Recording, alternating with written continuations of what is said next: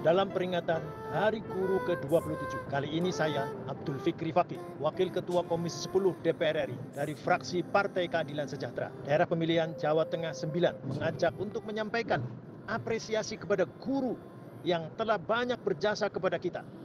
Sampaikan apresiasi Anda, harapan dalam lima kata saja untuk mendukung Bapak Ibu guru kita di mana pun berada di seluruh pelosok negeri.